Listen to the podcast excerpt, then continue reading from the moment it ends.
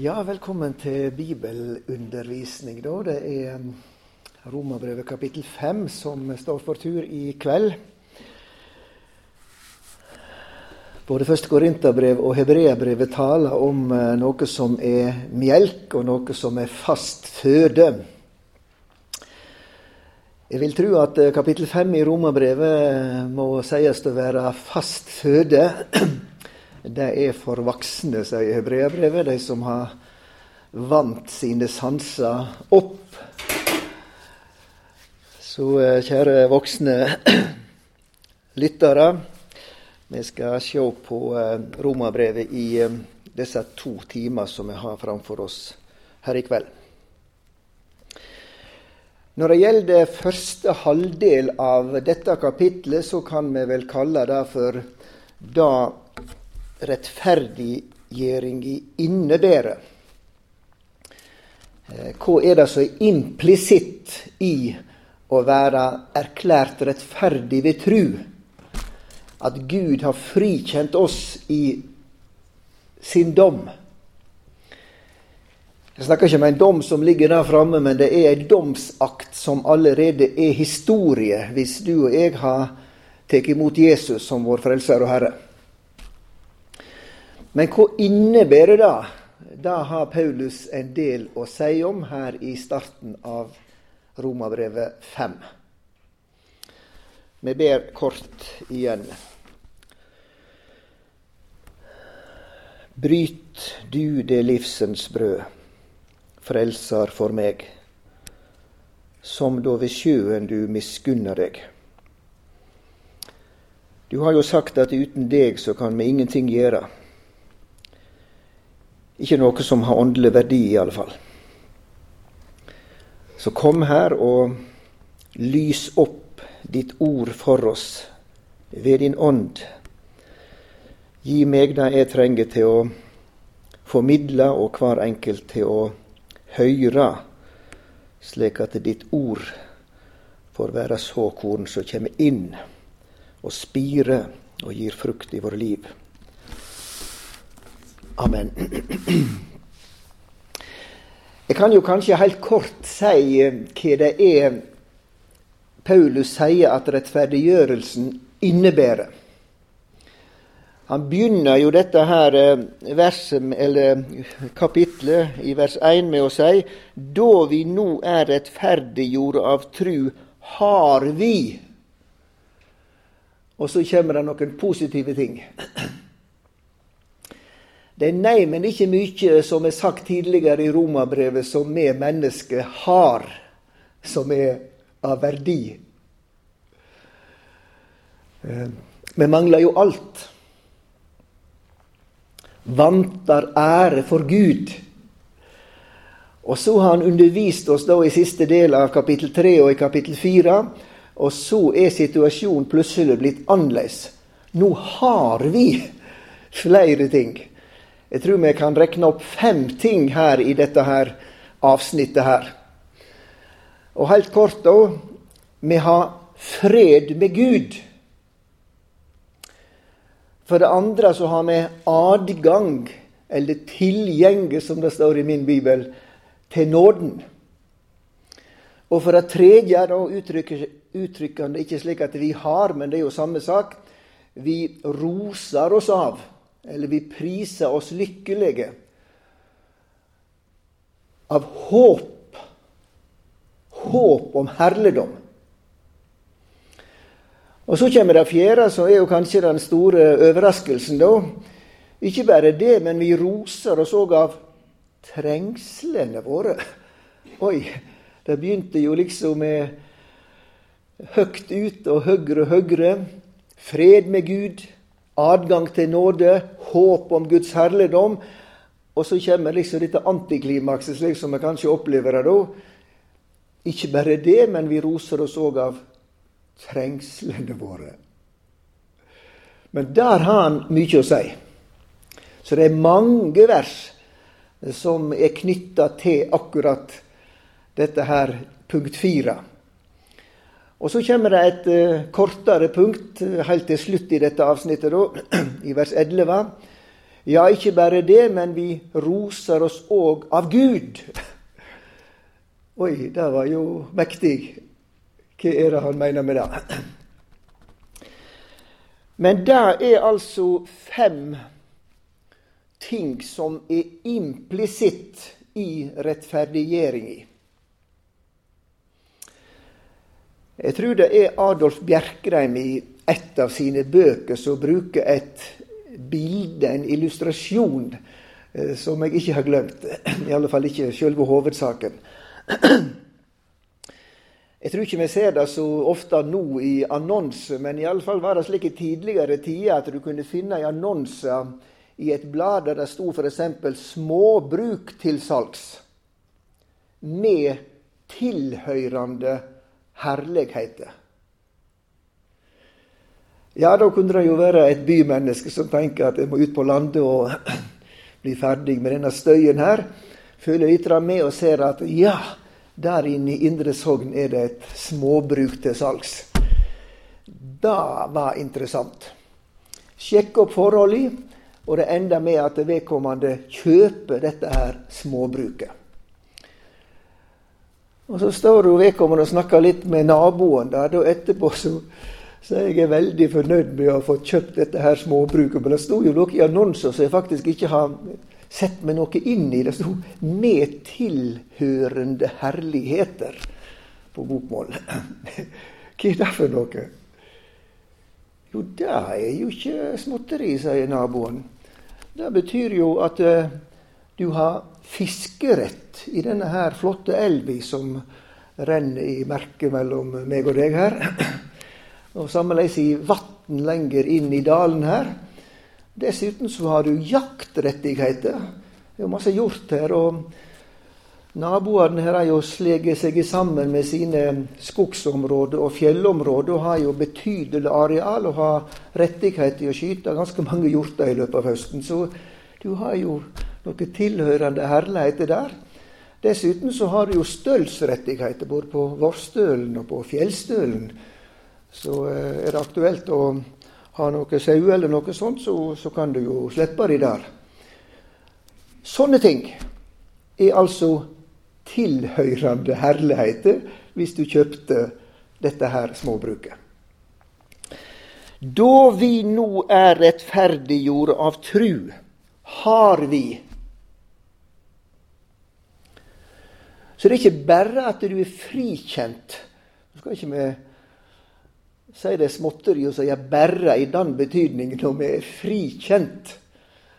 Vi som beviselig var lovbrytere og ble ført inn i rettssalen. Og så opplever vi den merkelige konklusjonen der at dommeren frikjenner oss fullstendig fordi vi ville tro på å ha sønnen Jesus Kristus og Frelsesverket. Men det er altså en del implisitt. Da vi nå er rettferdiggjort av tru, har vi fred med Gud ved vår Herre Jesus Kristus.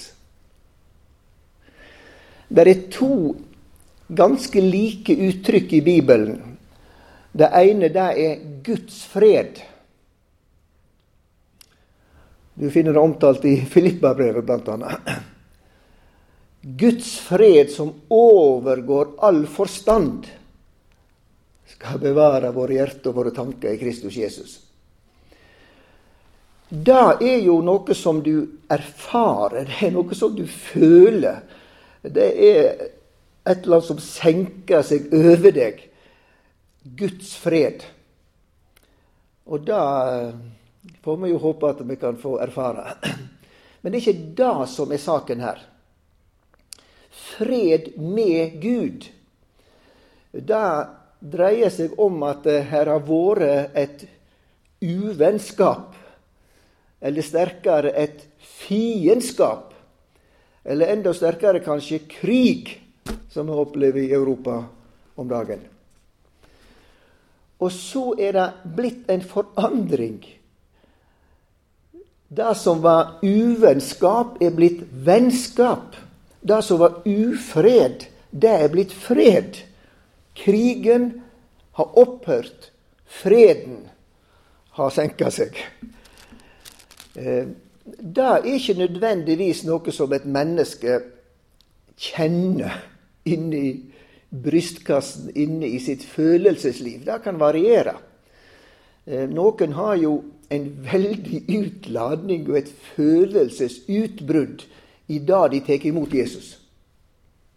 Umiddelbart så kjenner de Guds fred som legger seg innover i. Og så er det mange som vitner og sier at jeg kjente jo ikke noe spesielt den dagen jeg overga meg til Gud. Men det har ikke noe med saken å gjøre. Når, når Gud sier i sitt ord at nå er det blitt fred mellom disse to parter, så er det et faktum helt uavhengig av det jeg i øyeblikket måtte kjenne eller ikke kjenne. Men det er, ikke, det er jo ikke ubetydelig. Vår skaper og Herre, den rettferdige, hellige og nådige Gud, har nå sagt at det er slutt med uvennskapet. Kari Vinje har jo gitt ut ei barnebok som eh, har tittelen 'Gud og jeg er venner'. Det er jo akkurat det det dreier seg om her. Gud og jeg er venner. Fred med Gud. Men Paulus blir jo aldri lei av å understreke 'ved vår Herre Jesus Kristus'. Akkurat den saken den trekkes jo inn igjen flere ganger når han behandler forskjellige ting i dette her brevet. Alt er jo knytta til det som Jesus gjorde for oss på krossen. Den stedfortredende straffelidelse som han gikk inn under.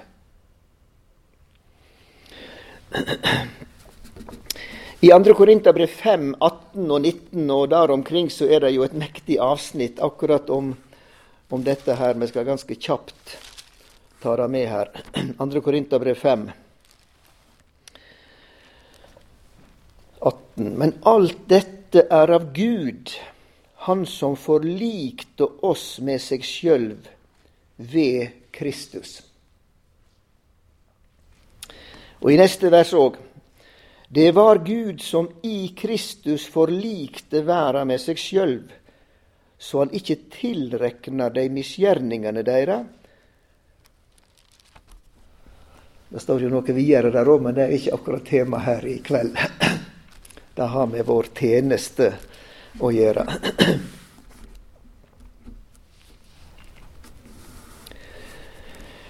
Punkt to. Og vers to. Ved Han, altså ved Jesus Kristus, har vi òg ved trua fått tilgjenge eller adgang til denne nåden som vi står i. Kanskje litt merkelig. altså Vi står i nåde når vi tar imot Jesus. Og vi har allerede mottatt store doser med nåde. Og så sier Paulus at vi har fått adgang til den nåde som vi står i. Ja, nå står jo jeg her i møtesalen i bedehuset vårt. Og hvis da noen sier at Gunstein, nå eh, gir vi deg adgang til møtesalen Ja, det er jo hyggelig, sier jeg. Jeg står her jo allerede. Adgang til den nåden som vi står i. Det er i alle fall ei kjempeviktig sannhet, dette her. At eh, vi trenger mer nåde enn det som vi mottok den dagen vi ble frelst.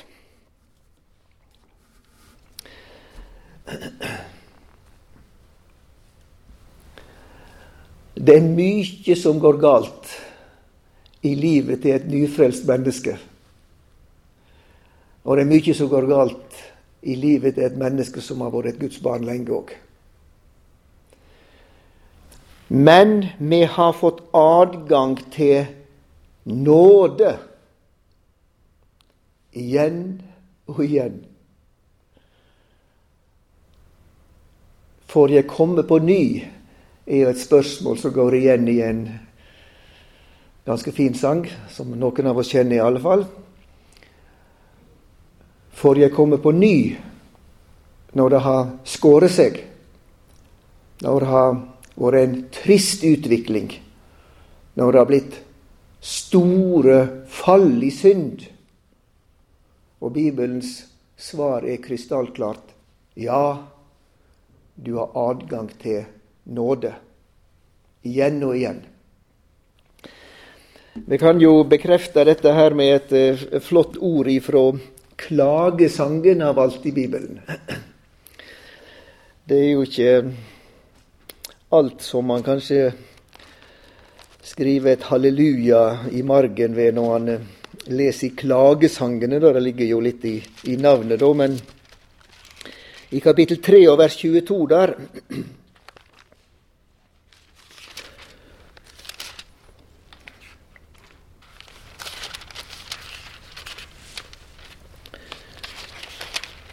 Det var ikke noe bokmerke der.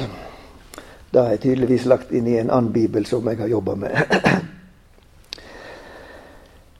Ja, Vi kan begynne i vers 21. Og dette ville ta meg til hjarta, difor vil jeg vona. Herrens nåde er det at det ikke er ute med oss. Hans miskunn har ennå ikke tatt slutt. Hun er ny hver morgen. Din truskap er stor. Adgang til Guds nåde, Guds miskunn, er ny hver eneste morgen. Så det er ikke uvesentlig, dette her som Paulus uh, sier implisitt i rettferdiggjøringa. Adgang, tilgjenge til denne nåden som vi står i.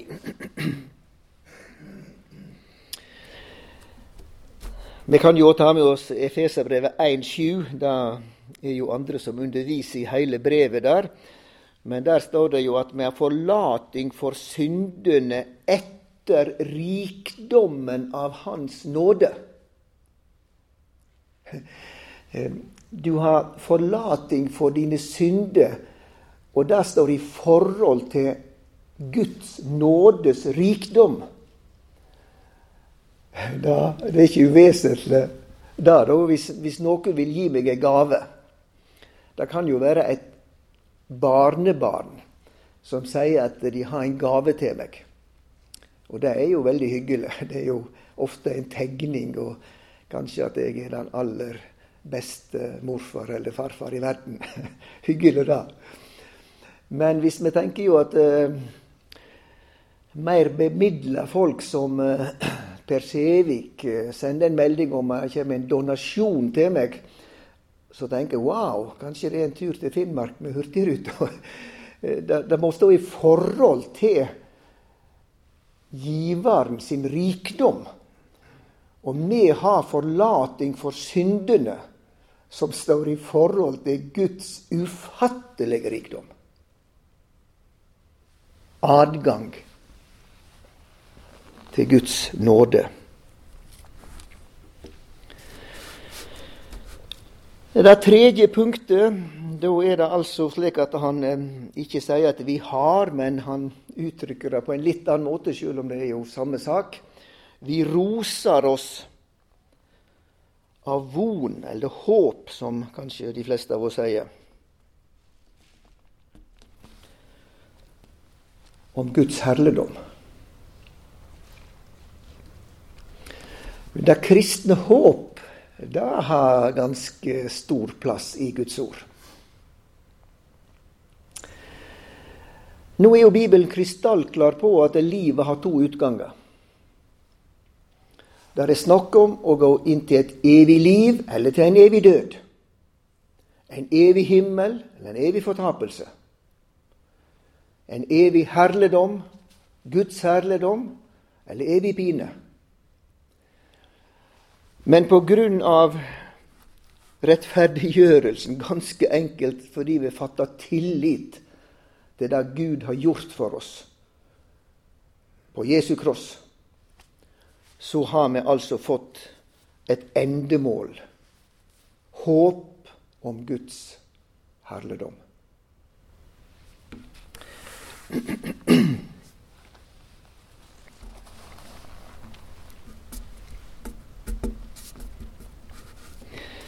I Filippabrevet 3,20, der Paulus taler om livets to utganger Han har snakket om det som han med tårer setter ord på, de som ender i fortaping, like i forkant.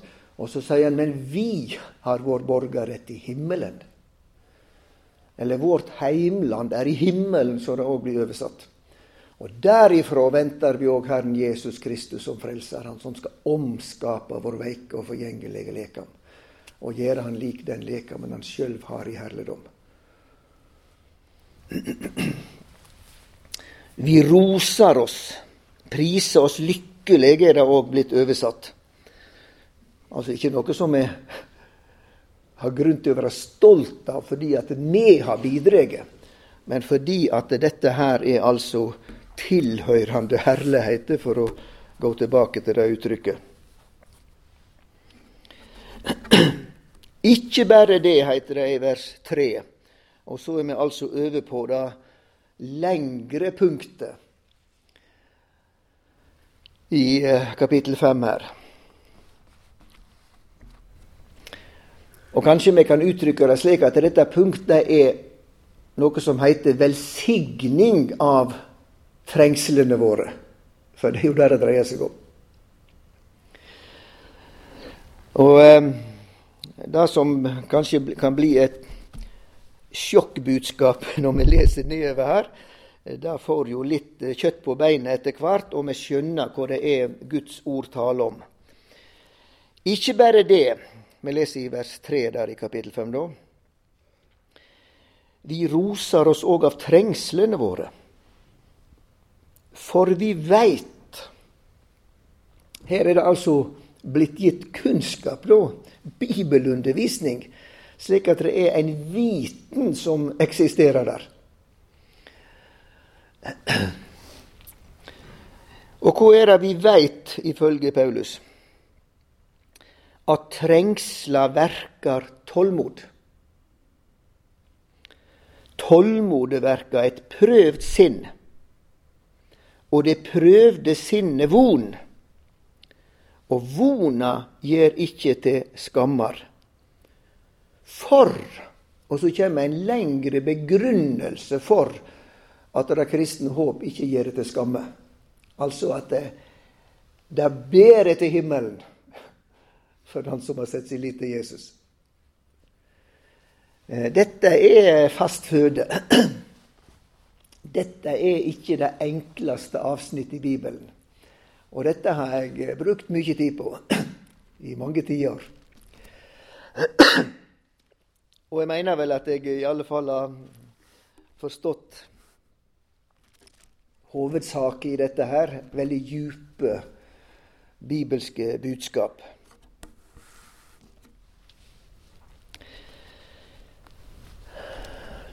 Guds ord taler mye om trengsler for Guds folk.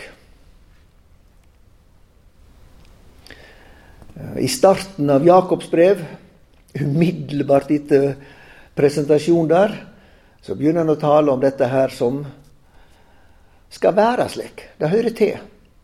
I starten av første Peters brev kommer han inn på dette her. Trengsel og prøvelse. I eh, Hebreabrevet kapittel 12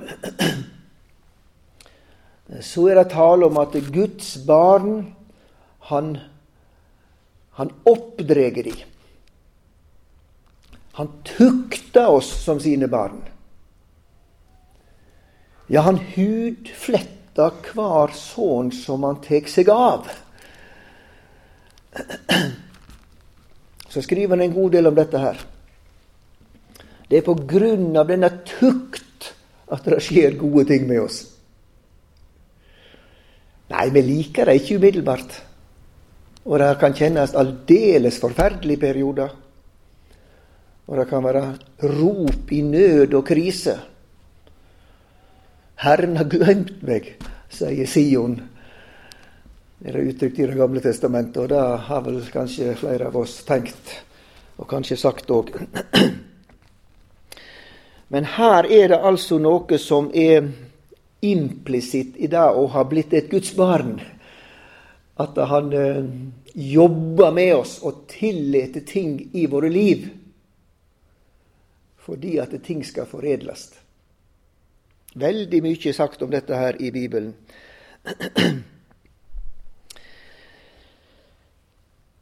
Vi roser oss òg av trengslene våre, for vi veit at trengsler verkar tålmod, tålmodet verkar et prøvd sinn, og det prøvde sinnet von, og vona gjør ikke til skammer, osv.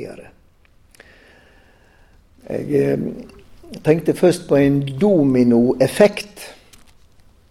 Vi vet jo hvordan det er at eh, den første brikken som er stilt opp, når, når den feller, så toucher han bort i nummer to, så feller den, og den igjen toucher borti nummer tre, og så kan jo noen lage til vanvittig lange sånne rekker. Men jeg fant ut at det er jo ikke helt dekkende, for her er det jo snakk om at uh, brikker feller. Men her er det jo mer noe som reises opp, noe som står fram, noe som er positivt.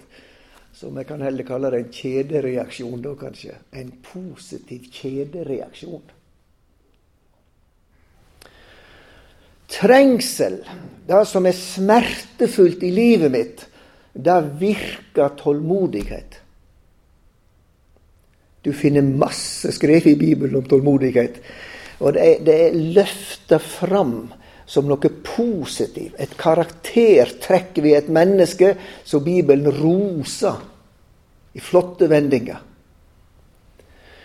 Men nå er det jo ikke slik at om jeg er et utålmodig menneske.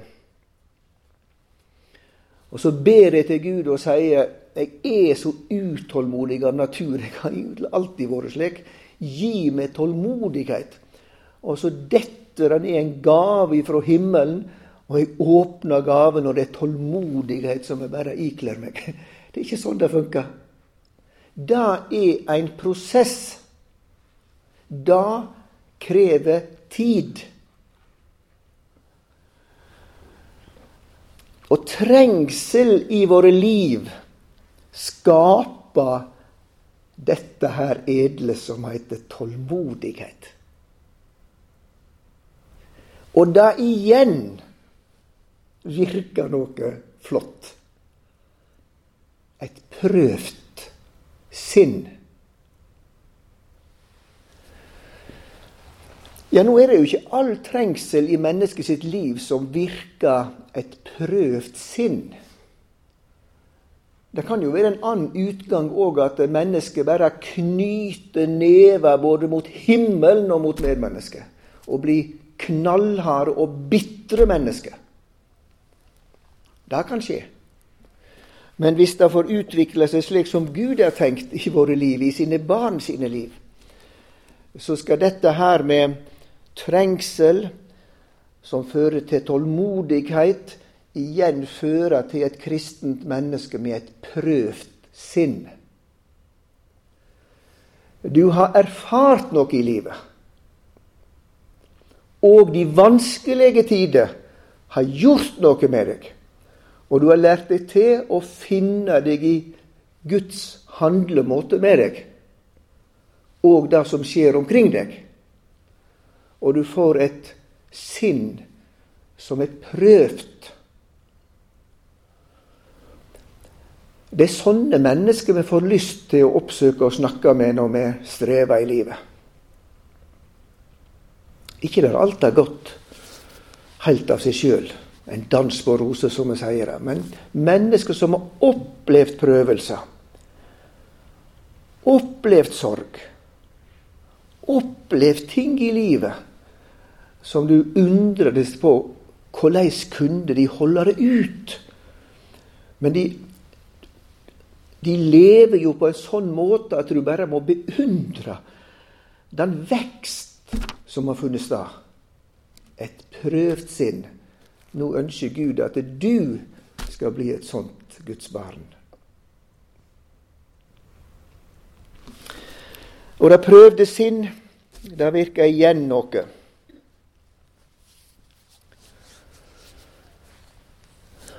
Det virker håp. Ja, men det har vi jo vært innom før. da. Ja, men nå er det jo slik at eh, trengsel i livet det tar ikke bort håpet for en kristen. Men det blir blankpussa, dette håp. Og et kristent menneske bare mer og mer ser at jeg er en pilegrim. Jeg er en gjest i verden. Jeg er på reis som her. Vårt heimland er i himmelen. Vi har vår borgerrett i himmelen. Og så er det at slike vanskelige ting blankpusser det kristne håp, så du lever mer i det, og derfor gi energi inn i hverdagens liv og tjeneste.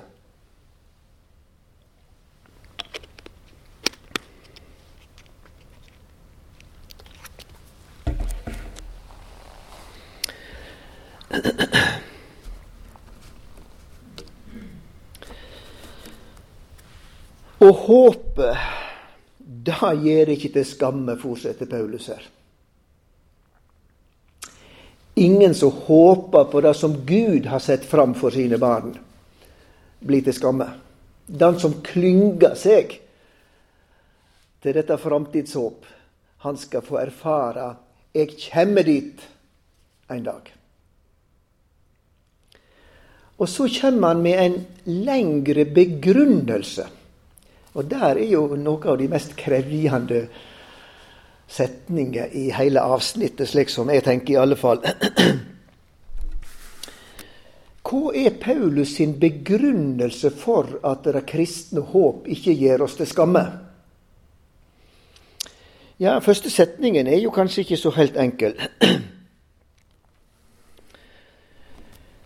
Og vona gjer ikkje skammar, heiter det i vers 5. For Guds kjærleik er utrend i hjarta våre ved Den heilage Ande som vart gjeven åt oss.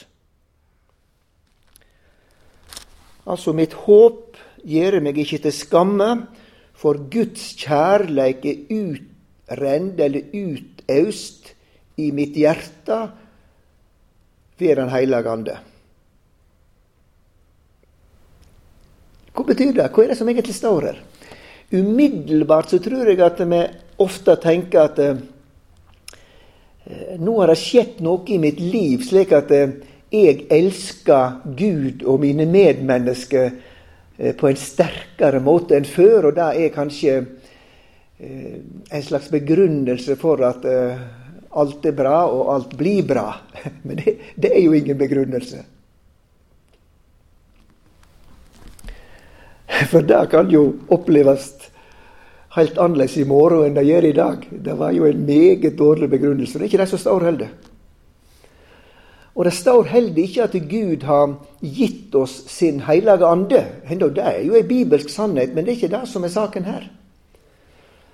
Nei, Gud har ved Den hellige ande utøst noe i mitt hjerte. Guds kjærleik. Og da ser vi i, i, i fortsettelsen her Det kommer jo for, for, for begrunnelse på begrunnelse. Så det henger jo i sammen hele greia. Det er ganske enkelt slik at uh, ved Den hellige ande og det redskapet eller det våpen, det sverd som Efeserbrevet 6 sier er Andens sverd. Guds ord. Bibelens evangeliske budskap om det som Gud har gjort for oss på krossen ved Jesu død, da blir gjort levende ved Den hellige ånd. Det, det er ikke nok bare å ha lært et bibelvers utenat, men når, når orda dine åpner seg, giv deg lys, som det heter i, i salmene. Da er det altså Guds ånd som gjør noe levende for mitt hjerte. Og det er det som Paulus underviser mer om i fortsettelsen her.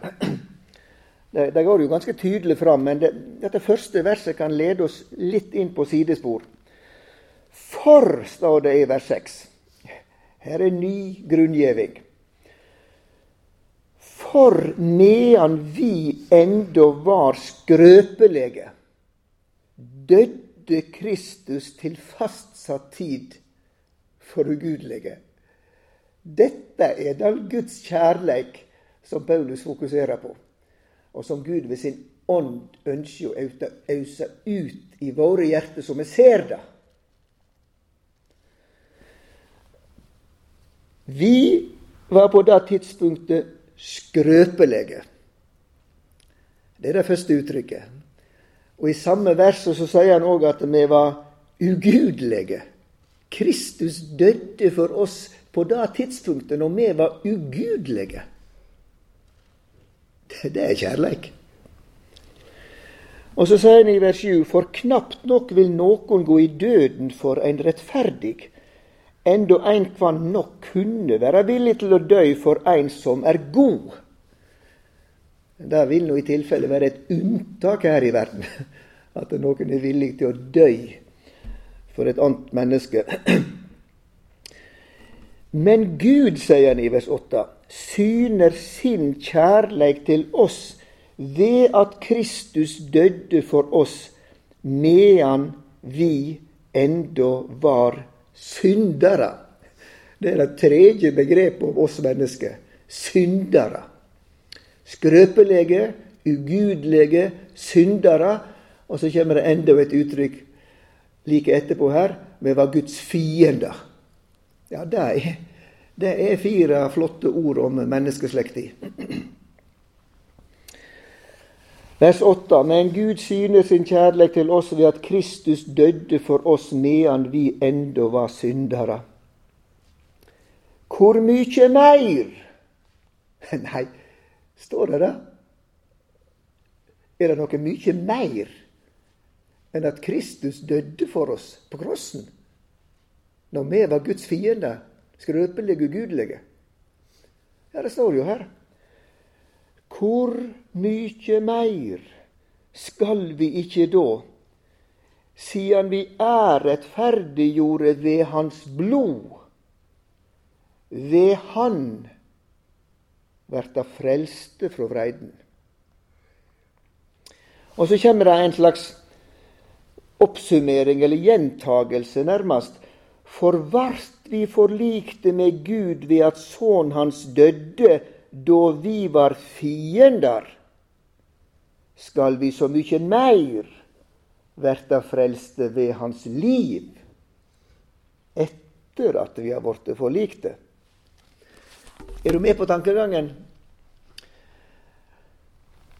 Når du og jeg, mennesker, var skrøpelige ugudelige, syndere og fiender av Gud, så viste Gud en ufattelig kjærlighet mot oss.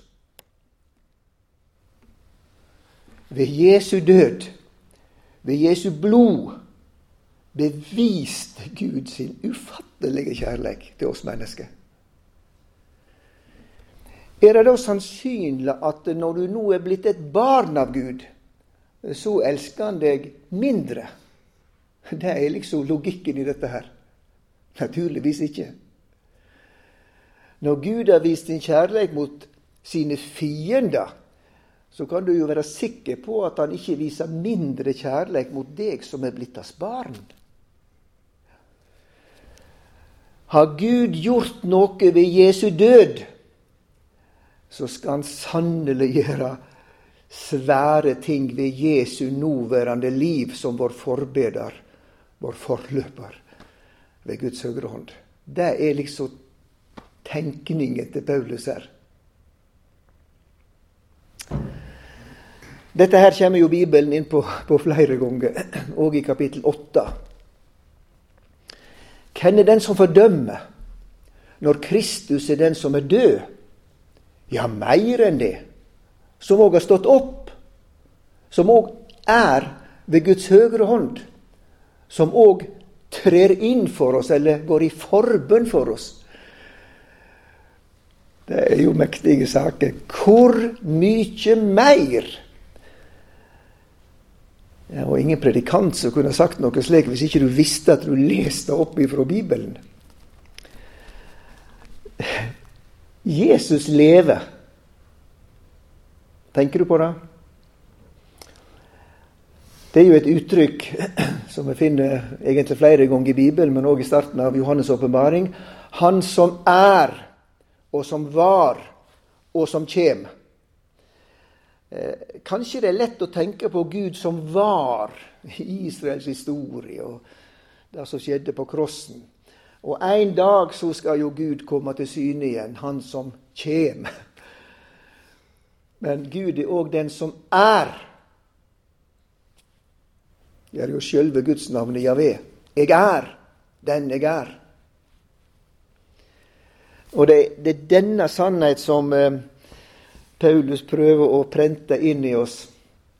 Når Gud har gjort så store ting for oss ved Jesu død, så kan du være sikker på at ved sin person og ved sitt liv som han lever for oss Han trer inn for oss.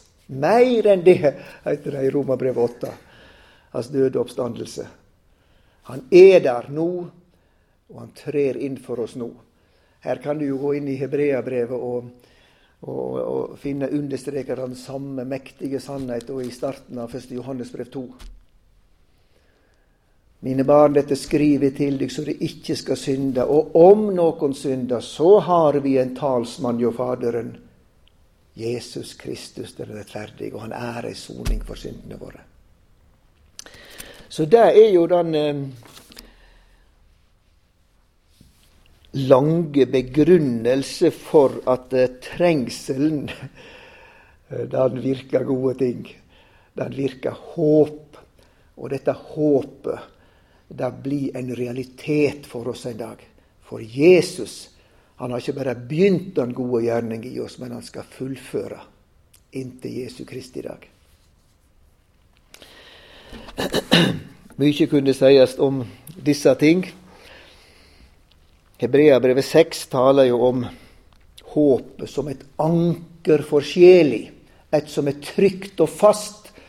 Det går innom forhenget. Det går inn i det himmelske, der Jesus allerede er gått inn som vår forløper. Håpet som et anker for vår sjel.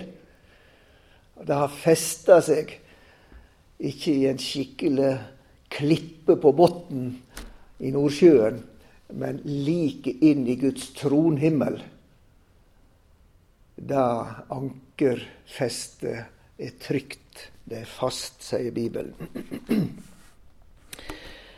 Helt kort og det siste punktet her.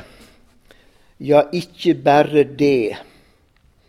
Han har jo vært innom dette her to ganger i denne opprekninga, og her kommer det siste. Ikke bare det, men vi roser oss òg av Gud. Det er jo så overveldende at hvordan skal vi absorbere det? Vi roser oss òg av Gud ved vår Herre Jesus Kristus, som har gjeve oss forlik. Han kommer jo tilbake til det som har skjedd ved forliket på Jesu kross.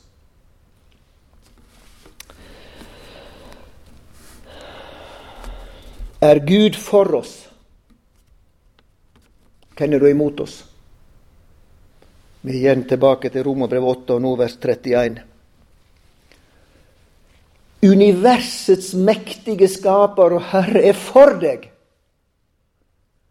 Vi roser oss av Gud. Jeg sjekka opp en sang av David André Østby der han skriver 'Hele himmelen er kommet nær'.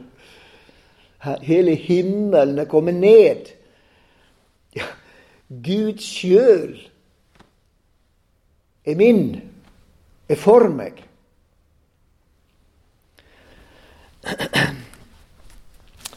Da setter vi strek her for denne timen. Den ble jo litt for lang, men sånn ble det.